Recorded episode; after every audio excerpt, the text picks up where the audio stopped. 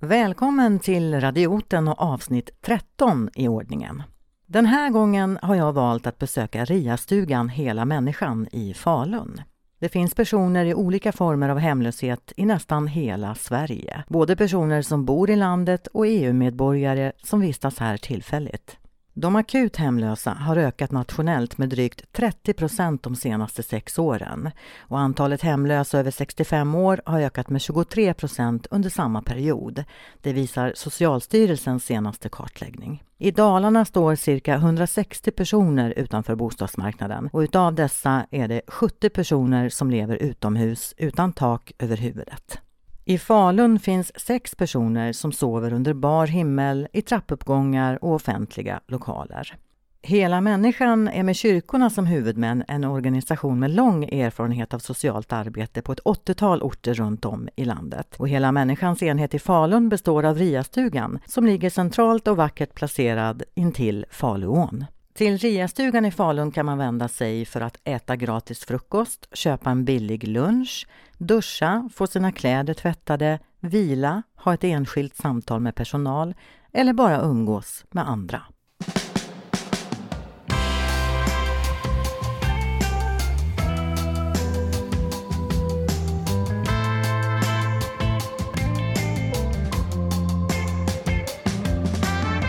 Jag har valt att göra två avsnitt på detta ämne. Idag träffar vi Ulf Linde, verksamhetschef på RIA-stugan i Falun. Och I nästa avsnitt möter jag personer som besöker RIA-stugan och berättar lite om både sina egna liv och om hur mycket RIA-stugan betyder. I slutet av detta avsnitt får du dessutom kontaktuppgifter och information om hur du går tillväga för att skänka gåvor, pengar eller hjälpa till på annat sätt.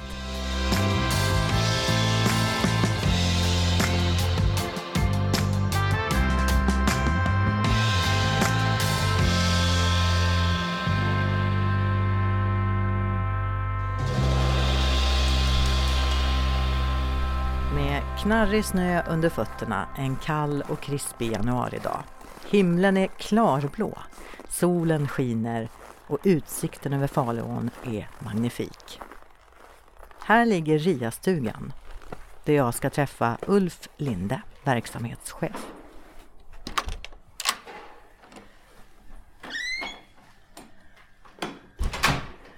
Hej Ulf! Hej! Tack så hemskt mycket. Nu är jag i Riastugan. Ja, stämmer. I Falun. Ja, Riastugan Falun. Ja. Mm. mm. Du, jag tänkte, det var en väldigt vacker stuga, eller ett hus kan man ju säga. Stuga, då tänker jag på något litet vackert, pittoreskt sådär, men det är, ganska, det är ett ganska stort hus det här. Det är ju, ja det är ett helt hus så att säga, men ändå så kanske det börjar kännas för litet för oss, men ja. Men ni har hållit till här sedan när? Eh, 1970 83 startade i samma hus. Och ligger precis in till ån centralt i Falun. Ja, det gör det. Och så har vi polishuset till granne och så har vi ett köpcentrum alldeles i närheten. Så att... Det är ju perfekt. Ja. jag tänkte, kan du visa mig runt lite? För jag är lite nyfiken på hur det ser ut. Då har vi hallen här man kommer in i. Sen har vi en, en gästtoalett med dusch. Mm. Där man då kan duscha och greja. Om man behöver byta kläder så har vi kläder man kan få. Och så. Mm. Ni har kläder här som man kan, Ja, som ni ger bort. Snälla människor eh, lämnar in kläder till oss. Sånt som de inte vill ha längre eller någonting sånt. ja. Och har vi då i rätt storlek och så vidare så kan man få kläder om man ja, inte har några som passar. Ja. Ja, härligt. Det var i lilla hallen det. Sen går vi vidare och här ser det nästan ut som en matsal. Det är, matsalen och samlingssalen kan man säga. Ja. Där, vi sitter och äter frukost och äter lunch tillsammans. De som vill. Vad har ni för öppettider här då? När kan man komma hit? Eh, Vi öppnar klockan åtta eh, och har öppet till klockan 13. Och mellan åtta och nio så är det en frukost som är helt gratis. Eh, Och eh, mellan 11.30 och 12.30 så har vi en lunch som kostar 40 kronor idag. Och, Har det varit gratis tidigare eller? Nej, det har det inte varit. Men, men däremot har man inte råd så kan man skriva upp två gånger. Har man dessutom inte då råd så kan man göra en praktisk insats och få mat för det. Man får jobba för det helt enkelt? Ja. Mm. Vad får man göra då till exempel? Ja, man kan bära upp lite klädsäckar, man kan sopa av trappan, man kan skotta lite snö. Sådana saker. Det låter jättebra. Ja. Mm. Just nu är det ju tomt här, det kommer väl folk så småningom kan jag gissa? Mm. Ja, det har varit folk här på morgonen och eh, alldeles till för några minuter sedan satt de och tittade på tv här på omröstningen i riksdagen. Ah. Men nu försvann de på en gång. de blev rädda när mikrofonen dök upp kanske. Och där inne i anslutning till matsalen så har vi ett jättemysigt litet vardagsrum med soffor, tresitssoffor, fåtöljer, tv. Jättemysigt är det ju här. Ja, det är för man ska kunna sitta här och antingen titta på tv eller sitta och prata med varandra eller sitta och läsa en tidning eller någonting. Och de som kommer hit, det, känner de varandra? Är det samma människor eller dyker det upp nya människor? Det är olika, det är olika under en, en period av år så förändras det ju hela tiden. Men det är alltså grunden till de gäster vi har, det är oftast de som har, är i eller har varit i drogmissbruk. Men sen har vi ju människor som är, eh, ja, ibland säger man bara ensamma, men det är inte så bara. Det kan vara väldigt jobbigt. Och eh, andra sociala problem helt enkelt. Eller man behöver, man behöver, som en av våra gäster en gång sa, att eh, jag vill höra att det finns andra människor kring mig. Här innanför det här rummet nu, vad, vad, finns det här? Det är också ett litet samlingsrum det är eller? Lite fortsättning på den här matsalen då, om vi blir väldigt många. Mm. Uh, och sen har vi då plats här för en, fyra kylskåp. Och uh, normalt sett så är det ett som ska vara helt öppet där vi ställer in grejer som människor får ja, våra gäster får gå och ta ur. Nu råkar det vara två som är helt öppna på grund av att en försökte bryta sig in i ett av dem. Oj då. Trots att det, att det bara är säga till så får man med sig saker. Men det visste inte personen i fråga kanske? Jo då, men, men ibland så är inte logiken där. Nej. Nej. Ska vi gå vidare? Jag vet att du, du är då verksamhetschef för RIA-stugan. Ja. Som ju också heter Hela människan. Hela människan, det är hela den här organisationen eh, som heter så. Vi har hetat eh, det Kristna Samfundets nykterhetsrörelse mellan 30-talet och 2000-talet. Sen bytte man namn som så många andra ja. eh, rörelser och föreningar. Ja. Mm. Jag tänkte vi går upp för trappan här, för det finns ju en våning våning två. Alltså det här huset är otroligt vackert, det är de gamla detaljerna, det är dubbeldörrar med glas i, det är väldigt fint. Vet du, nu ska vi kliva upp för trappan här, vet du vad det här huset var ifrån början? Inte från början, men, men i sekelskiftet 1800-1900 så bodde det en dam här som kallas för Fläskmina. Och hon hade en, en litet hus på gården här. Eh, eh, det är ett annat hus än det vi har. Ja. Eh, där hon hade, kunde sälja kött och lite andra saker till. Och eh, eh, ibland så gick hon över på torget mitt emot här och stod där och sålde det. Så det vet jag. Och sen har det varit privatägt ganska länge. Någonstans mellan 50 och 73 eh, så har kommunen haft verksamhet i det här huset. Mm. Och därefter så kom RIA, då blev det RIA-stugan. RIA fick hyra 73. Och framåt och för ungefär ja, 13-14 år sedan så fick RIA köpa det här huset för kommunen ville inte lägga in några pengar i det. Mm. Utan då köpte RIA-stugan eller RIA-föreningen det här. Och renoverade invändigt. Mm. Det man ville ha gjort. Mm. Nu är vi ju som sagt var på våning två och det är ett jättestort rum vi kommer upp i med en liten kristallkrona i taket. Det är så fint. Men här är det otroligt mycket grejer. På ett bord här så ligger det massor med kläder. Allt från byxor, tröjor, skjortor, jackor. Vad är det för någonting?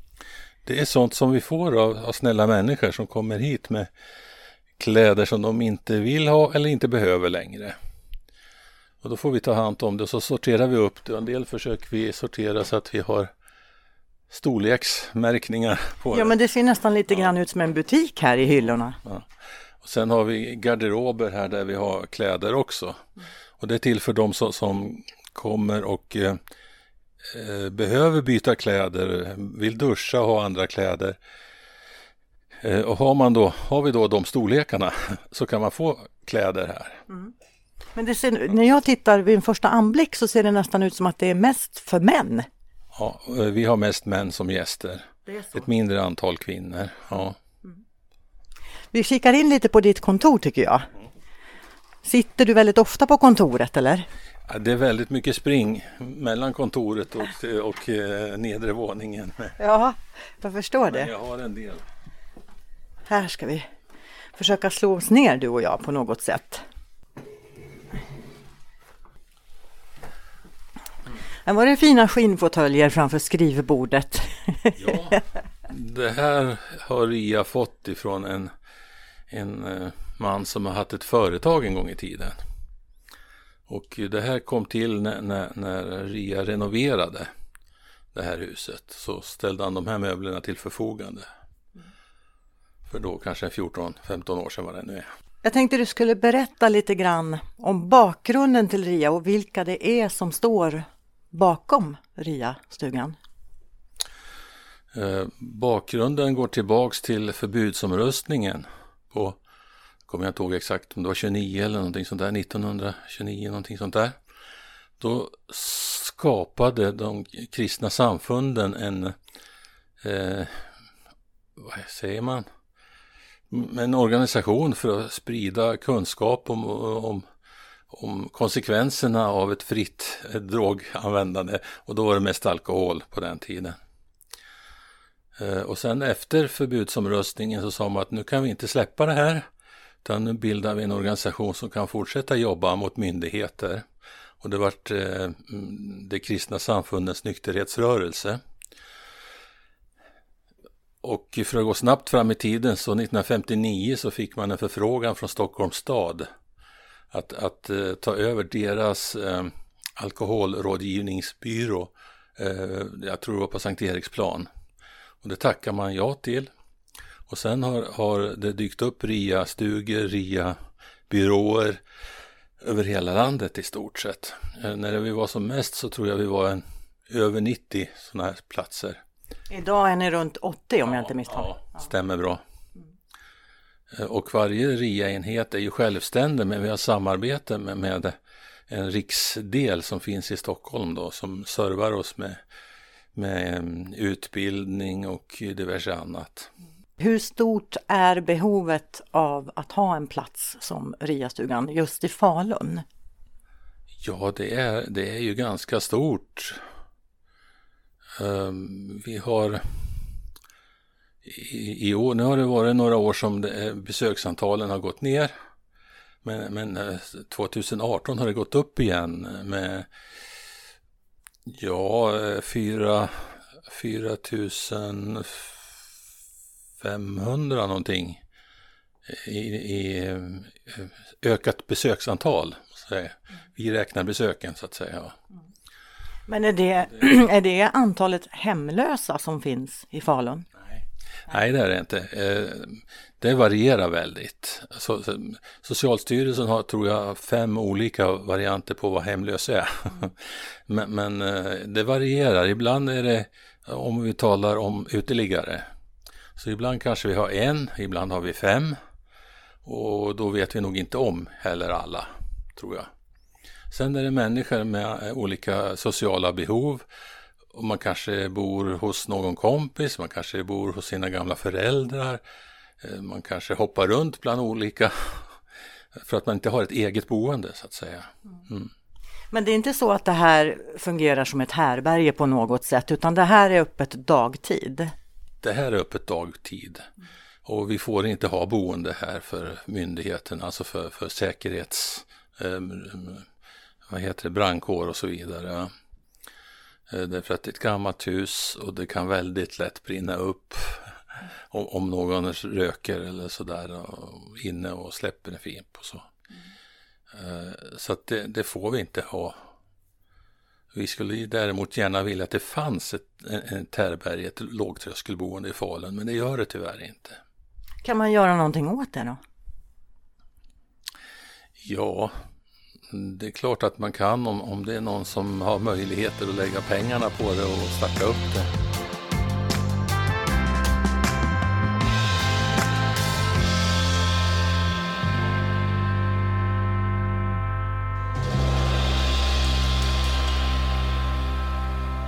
Du lyssnar till Radioten med mig Marina Härliga och idag besöker vi RIA-stugan i Falun. Vi träffar verksamhetschefen Ulf Linde som har visat runt mig lite grann i detta vackra hus som ligger vid ån. Granne med polishuset till och med. Eh, behöver ni polishuset förresten? Nej, vi har inte behövt haft någon, så det ett tillfälle tog jag hjälp av dem för att lugna ner en stökig människa, men annars har vi inte haft något problem så. Mm. Men du, vilka är det som, som kommer hit? Ja, det är ju alla möjliga människor som, som antingen att man har ett socialt handikapp, eh, man kan ha ett missbruk, eh, man kan ha före detta missbrukare, eh, man kan vara ensam, helt ensam. Ehm, och man behöver någonstans att ta vägen helt enkelt och se människor, höra människor, prata med andra människor. Så det är väldigt olika. Mm. Men era öppettider här, hur, hur ser de ut? Eh, vardagar är det klockan 8 till klockan 13. Och helgerna så har vi 8.30 till, ska jag tänka till, 10.30. Mm. Ja. Det är ganska korta öppettider ändå. Ja, eh, vi är en och en halv tjänst här och eh, att vi kan ha så här mycket beror på att vi har många frivilliga som hjälper oss. Ja, för det handlar det väldigt mycket om att det är mycket frivillig hjälp som ni får. Hur många har ni som ställer upp ideellt? Så man, man räknar um, de här grupperna som finns ute i församlingarna som går in på helgerna och man räknar de vi har dagtid och om vi räknar då typ styrelsen så här så handlar det väl om en eh, 80-tal personer totalt på ett år som gör en insats här. Och vad gör man då? Vad, vad är det för insatser? Ja, på helgerna så handlar det om att ha, ha frukostöppet. Och eh, naturligtvis att, att uh, människor ska kunna få prata med någon. Det, och då kan det handla om väder och vind och hur det går i ishockeyn och sådana här saker. Va? Eh, vardagstid då, då har ju eh, jag möjlighet att ta, ta samtal.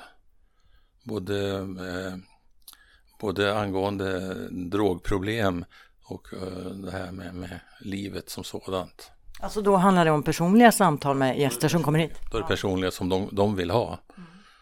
Mm. Eh, och vad det gäller de människor som har drogproblem och så här så, så menar jag det, det viktigaste vi gör det är att vi motiverar människor till ett annat liv. Oavsett om vi plockar fram ett par jeans eller ställer fram en kopp kaffe. Men det där samtalet är väldigt viktigt. Va? Och det, det ska gå fram till att man motiverar en människa. Det gäller att vara väldigt lyhörd i det här jobbet. Ja, så är det. Men det är väl därför man har, kanske har hamnat i det också. För du har jobbat med det här väldigt länge. Ja, i, i den här rörelsen har jag varit 31 år i år. Och i kristet socialt arbete så är det väl 35-36 år nu. Nu kommer det väl snart att ramla in lite människor för det är väl lunchdags eh, snart? Ja, det börjar bli det. Så att rätt vad det är så kommer de. Nu är, har man ju fått pensioner idag och imorgon. Så då är det lite lugnare på lunchdelen så att säga. Så i slutet på månaden då brukar det vara lite mer folk? Ja, precis före den 18. Mm. Och sen så um, trappar det upp sakta mm. igen. Mm. Ja. Men då kommer de hit och äter och värmer sig, tittar på tv, snackar lite med varandra. Brukar ni ha några specifika aktiviteter här också? Inte vanligen dagtid, men däremot under året så har vi ju eh, som strax före jul har vi en jullunch och det avsätter vi en hel dag för dem med, med två sittningar. Ja, frukost brukar det vara som vanligt. Sen stänger vi och gör ordning. Så har vi två sittningar under eftermiddagen så att alla som vill ska kunna vara med och få äta julmat. Ja, vi kan göra någon utflykt. Det är ett tag sedan sist, men, men det är sånt. Eh, strax före vi, eh, vi som anställda går på semester brukar vi grilla här ute på tomten och bjuda på mat för de som kommer alltså. Eh, ja, lite sånt där. Mm. Vi pratade ju här tidigare om att det är många som ställer upp ideellt och hjälper till. Ehm, men man kan ju också be om hjälp från andra privatpersoner. Man kan alltså bidra med hjälp till er om man vill på olika sätt. Ja, det kan man. Och det är, ibland är det folk som ringer och frågar vad de kan göra. Och um, vi har eh, några stycken som hjälper oss med att sortera kläder. De är inte schemalagda, men, men de kommer ibland och hjälper till med det. Uh, en av våra frivilliga som har tisdagar som sin dag kommer även måndag och torsdag och laga mat. För han är dels väldigt duktig på det och så kan han alla dessa regler som man måste ta hänsyn till eh, i ett sådant här sammanhang. Men man kan också skänka pengar om man vill? Man kan skänka pengar. Eh, dels på, på vårt, eh, vad heter det för någonting, bankkonto men också via Swish. Vi har ju haft något tillfälle, någon av våra följare heter det väl, på, på ha uppmanat att men nu skickar vi in 10 kronor var. Och första gången så kom det in 30 000 tror jag oh. på det. Så ni finns på sociala medier? Det finns på sociala medier, finns på Facebook och uh, vad det heter. Jag är inte bra på det där. Instagram kanske? Instagram. Det är alltså våran, hon som är köksansvarig och han som eh, hjälper oss att göra mycket mat. Mm. De är duktiga på det där så det får de sköta. Ja, ja men då heter ni Ria-stugan så då kan man gå in där och, och kika ja. lite grann. Och så har ni ju en hemsida också för det vet jag, det har jag varit in och kikat på. Och här står det också hur man kan gå tillväga när man vill hjälpa till med olika gåvor och så. Vad får ni i övrigt för respons från omgivningen för era insatser här? Ja, om vi går till allmänheten så verkar det som många är väldigt positivt inställda till oss. Eh, det finns ju faktiskt sådana som kommer med ett kuvert med lite pengar och säger att jag, jag ger det här till er för då vet jag vart det går. Istället för till någon ja, organisation som skickar iväg åt något annat håll. Mm. Ja. Eh, och eh, Ja, våra gäster, de kommer ju hit av fri vilja. Så eftersom de kommer så tycker de det är bra då. Men det måste ju betyda enormt mycket för dessa människor att ni finns här. Ja, jag tror att det betyder en hel del för den människa som eh, inte har några andra kontakter eller är ute, eh, bor ute hela tiden. Man kan komma någonstans och äta varm mat. Även på frukosten, det finns ju gröt och allting sånt där. Eh, och duscha varmt och byta kläder och så vidare. Men också för den som som sagt var är ensam och behöver ha någon att prata med. Att, att det går att komma hit och sätta sig här och fika och prata och sådär. Ja. Nu har du jobbat med det här väldigt, väldigt länge. Eh, hur känns det för dig personligen att träffa dessa människor som känner sig lite utsatta och övergivna kanske? Ja, det, nu, nu är jag en sån person så att eh, det är det är det jag gillar med det här jobbet. att träffa människor och sitta och prata. Jag är inte så mycket administratör, men även det måste man göra. Eh, men, men eh, människor är ju intressanta. Så är det. Men känns det inte någonstans hopplöst? Nu utgår jag från mina egna känslor här. Att man blir påverkad och nästan lite ledsen för att det här problemet faktiskt finns. Jo, alltså det är ju otroligt att det ska behöva finnas år 2019. Där. Men sen, eh, man kan inte titta på eh, så här stort så att säga, va, hela världen. Eh, utan man måste gå ner på, på det här individplanet och se och se då kanske att man har varit med och stöttat någon som det går bra för. Va? Och det har vi ju gjort några gånger så att jag har ju några exempel på det. Och eh, man får liksom ha lite skygglappar så att man inte försöker se eh, alla, alla, alla missförhållanden som finns. Mm. Utan försöka eh, gå in på, på de vi kan göra någonting för. Kan du se, eftersom du har så många års erfarenhet i det här jobbet, hur, hur det har förändrats? Har det blivit bättre eller sämre? Har antalet besökare ökat eller minskat? Det går väldigt mycket upp och ner. Det där. Eh, I början när jag var här då, då, steg besöken väldigt kraftigt, nästan så att jag tyckte att jag var lite orolig för det. Sen har det gått ner under ett antal år, men så förra året så steg det igen. Och eh, eftersom vi inte har någon sån där kontroll egentligen på varför det gör det. Men, men jag kan ju se då att många av våra äldre, eh, och det har varit missbrukare då, är borta. Eh, några har blivit nyktra och kommer inte av den anledningen. Då, så, här. Eh, så, så, det är nog orsaken att det gick ner. Nu ser jag att vi har fått in fler lite yngre eh, men som ändå har kommit till den åldern att det börjar bli jobbigt. Mm.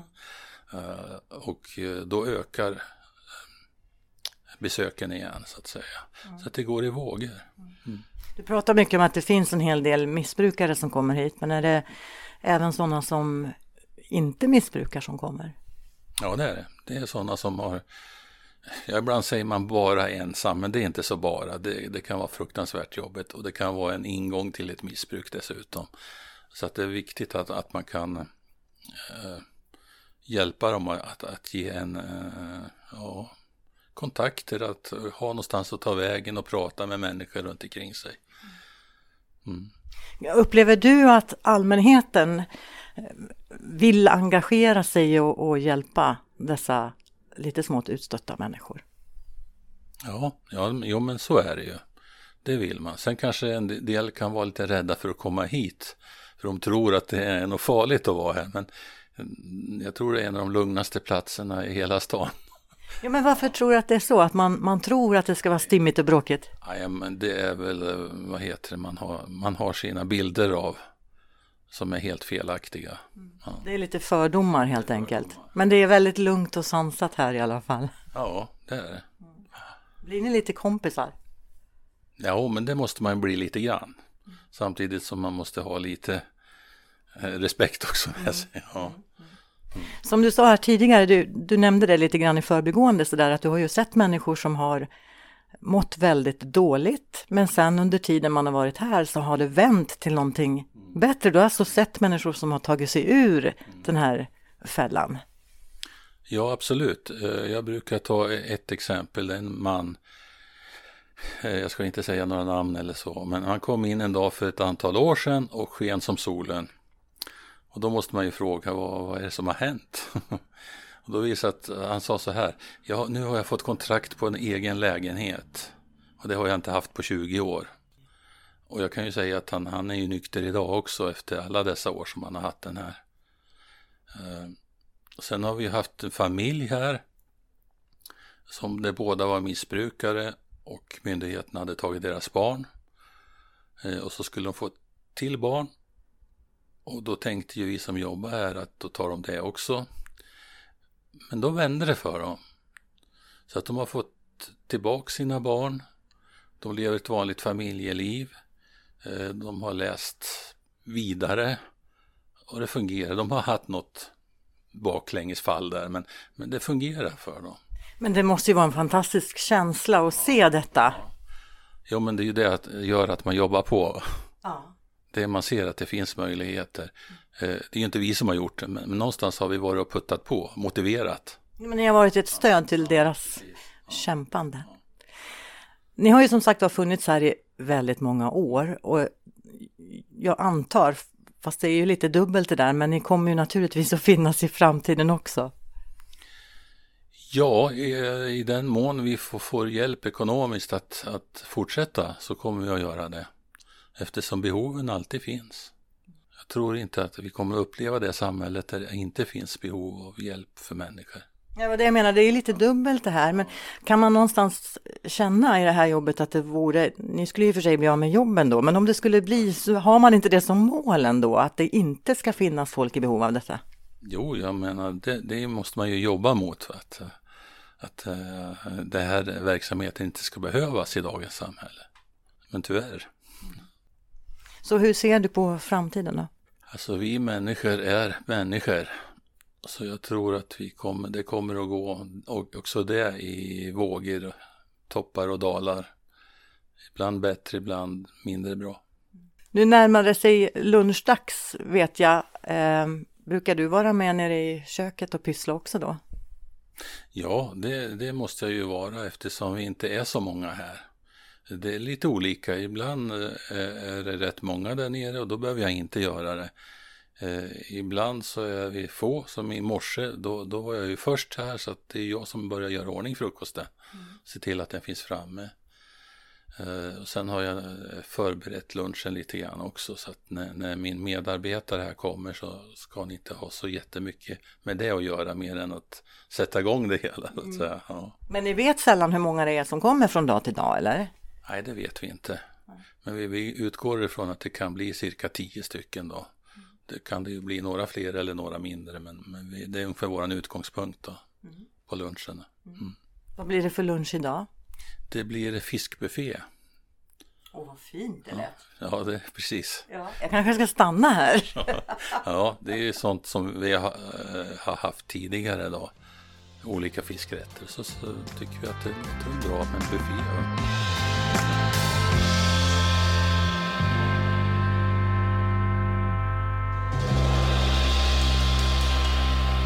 Så avslutas mötet med Ulf Linde, verksamhetschef på RIA-stugan i Falun. Och känner du att du på något sätt vill hjälpa till med gåvor eller annan hjälp är du givetvis varmt välkommen att göra det. Det finns lite olika sätt att göra det på. Du kan ge en donation till RIA-stugans gåvokonto plus giro 68 33 18-0. Swisha går också bra och det görs på nummer 9159, alltså 9000 159. Smsar du din gåva så gör du det på nummer 72980. Men all den här informationen finns att tillgå på hemsidan helamänniskan.se. Ria-stugan finns också på både Facebook och Instagram. I nästa avsnitt träffar vi personer som besöker RIA-stugan och som kan berätta om både hur, när och varför och framför allt om vad RIA-stugans insatser betyder. Tack för att du lyssnat och följ gärna Radioten på Facebook och på Instagram.